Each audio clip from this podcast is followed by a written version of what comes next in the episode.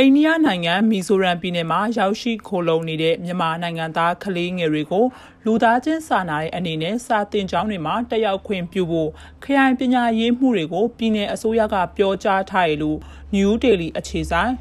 Hindustan Times သတင်းဌာနရဲ့စက်တင်ဘာလ2ရက်နေ့သတင်းမှာဖော်ပြထားကြရသိရပါတယ်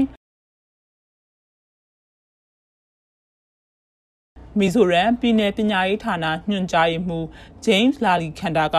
ခရိုင်ပညာရေးမှုတွေကိုဩဂုတ်လ31ရက်နေ့ကပေးပို့တဲ့စာထဲမှာအိန္ဒိယနိုင်ငံရဲ့ကလေးငယ်များအခမဲ့ပညာသင်ကြားခွင့်ဆိုင်ရာ2009ခုနှစ်ဥပဒေ RTE Act 2009အခန်းအခန်းနှစ်လေးအရာစင်းရဲထိုးတဲ့အတိုင်းဝိုင်းကအသက်6နှစ်ကနေ14နှစ်ကြားဘယ်ကလေးမဆို မူလဟန်ပညာသင်ရေးပြီးမြောက်အောင်တင့်တော်တဲ့အတန်းမှာတက်ရောက်ပညာသင်ကြားခွင့်ရှိကြောင်းဒါကြောင့်ရွှေပြောင်းဒုက္ခသည်ကလေးငယ်တွေဆက်ပြီးပညာသင်ယူခွင့်ရရှိဖို့အတွက်ကျောင်းဝင်ခွင့်ပေးနိုင်အောင်လိုအပ်တယ်လို့စီစဉ်ဆောင်ရွက်ထားဖို့အတွက်တောင်းဆိုရလို့ရေးသားထားတာဖြစ်ပါတယ်။ လက်ရှိမီဇိုရမ်ပြည်နယ်မှာခိုလုံနေတဲ့အသက်6နှစ်ကနေ14နှစ်ကြားမြန်မာဒုက္ခသည်ကလေးကအယောက်400ရှိပြီးအများစုကမီဇိုရမ်ပြည်နယ်အိုက်ဇောနဲ့ကျန်းဖိုင်ခရိုင်တွေမှာနေထိုင်ကြပြီးဒီကလေးတွေကိုစက်တင်ဘာလကစတင်ပြီးအစိုးရအကြောင်းတွေမှာဝင်ခွင့်ပြုမှာဖြစ်ကြောင်းကိုလည်းပညာရေးဝန်ကြီးကပြောဆိုထားတာပါ။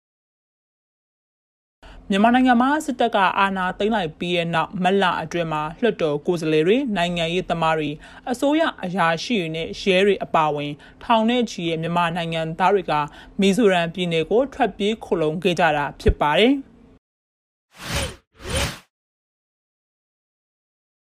မြန်မာစစ်တပ်အတွက်လက်နက်တင်သွင်းဖို့ဗန်နာရေးနဲ့စီးပွားရေးဝန်ဆောင်မှုတွေပေးအပ်နေတဲ့စီးပွားရေးလုပ်ငန်းရှင်ဦးတီစားနဲ့ သူပိုင်ဆိုင်တဲ့ True Trading Company အုပ်စုကိုပြည်ထိုင်နိုင်ငံကစီးပွားရေးပိတ်ဆို့အရေးယူတဲ့စီးနှင်းမှာထည့်သွင်းလိုက်တယ်လို့စက်တင်ဘာလ2ရက်နေ့ရက်စွဲနဲ့ပြည်ထိုင်အစိုးရကထုတ်ပြန်တဲ့ကြေညာချက်ထဲမှာဖော်ပြထားပါတယ်။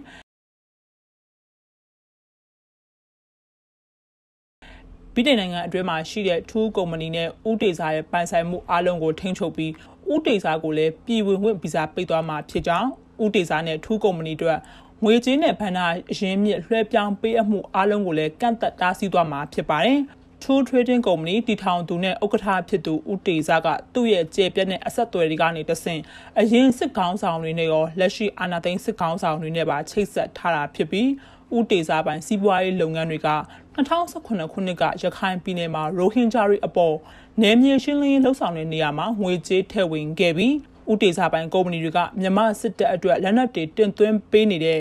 မြန်မာစစ်တပ်ကကျူးလွန်တဲ့လူအခွင့်အရေးချိုးဖောက်မှုတွေကိုပံ့ပိုးကူညီနေတယ်လို့လည်းကြေညာချက်ထဲမှာဖော်ပြပါတယ်။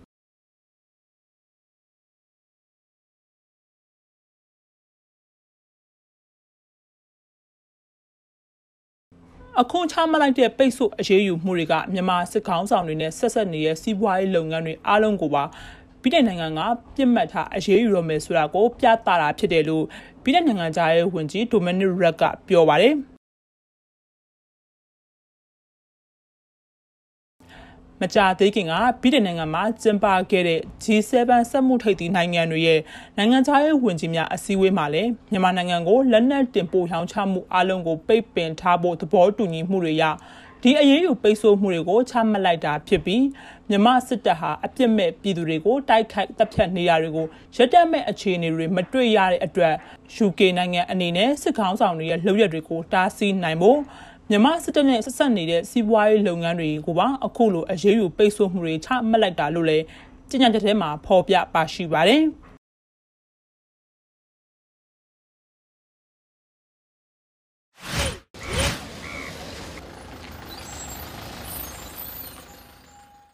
မြန်မာနိုင်ငံမှာစက်တင်ဘာလ2ရက်နေ့ကပြင်ပစည်းကွက်မှာအမေရိကန်ဒေါ်လာက1830ကျပ်ထိဈေးပေါက်ခဲ့ပြီးတရုတ်ယွမ်ငွေလဲနှုန်းနဲ့မြန်မာကျပ်ငွေတန်ဖိုးကလည်းကျဆင်းနေရလို့သိရပါတယ်။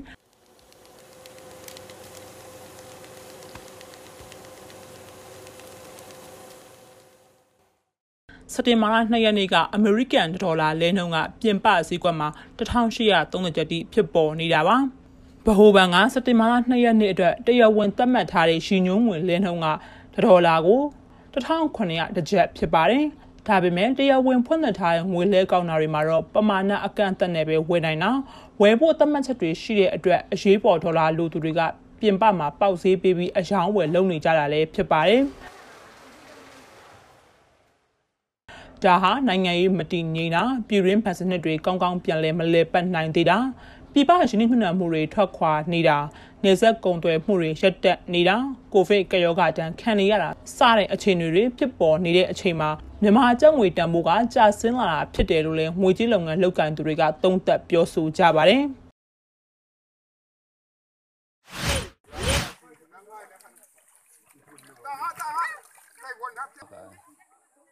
ဆာနာသိမ်းမှုဖြစ်စဉ်အောက်ကမြန်မာပြည်သူ၃တန်းစီကပ်ပေးတုံ့ပြန်ရေးအပါအဝင် အရေးတကြီးလိုအပ်နေရတွေကိုအကူအညီပေးသွားနိုင်ဖို့အတွက်လှုံ့ဆော်နေတယ်ဆိုပြီးကုလသမဂ္ဂကစက်တင်ဘာလ၁ရက်နေ့မှာပြောဆိုလိုက်ပါတယ်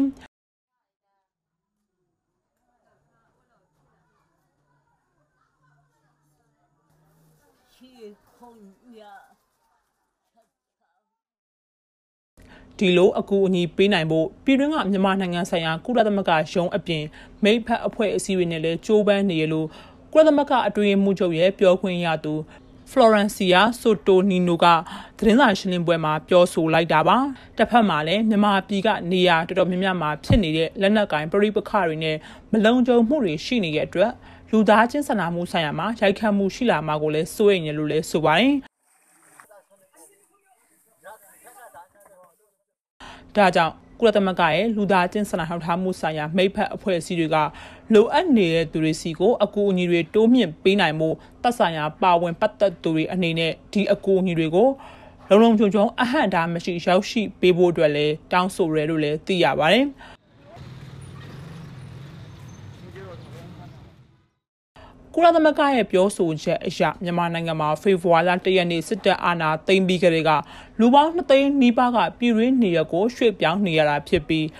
မုတ်တုံရေးကြီးမှုကြောင့်ဆိုရင်ဇူလန်လကလေးကရှေဘေးတင့်သူလူပေါင်းကတသိန်း2000ခွဲကျော်အထိရှိနေရလို့လည်းပြောဆိုလိုက်တာဖြစ်ပါတယ်။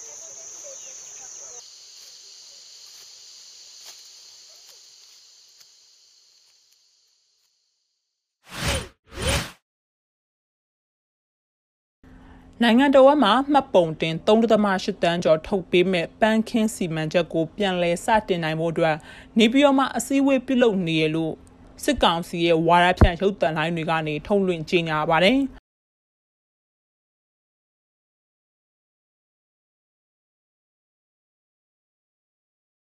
ဒါကိုကရင်ပြည်နယ်ရန်ကုန်တိုင်းရှမ်းပြည်နယ်နဲ့နေပြည်တော်တို့မှာစတင်ဖို့အတွက်စစ်ကောင်စီဘက်ကပြင်ဆင်နေတာပါ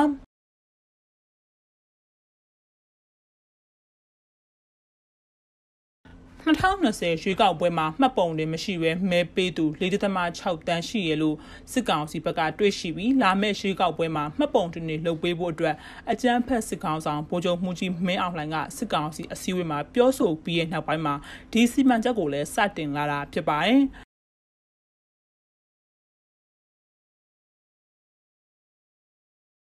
ဒီစီမံချက်ကတော့စစ်ကောင်စီကျင်းပပေးမယ်ပြောထားတဲ့ရွေးကောက်ပွဲအတွက်ရည်ရွယ်တာဖြစ်ပြီးအာဏာသိမ်းပြီးနောက်မေလ3ရက်နေ့မှာစတင်မယ်လို့စစ်ကောင်စီရဲ့အလုပ်သမားလူဝင်မှုကြီးကြပ်ရေးနဲ့ပြည်သူ့အင်အားဝန်ကြီးဌာနကထုတ်ပြန်ခဲ့ပေမဲ့ COVID-19 ကြောင့်နှောင့်နှေးမှုတွေရှိခဲ့တယ်လို့ဆိုပါတယ်။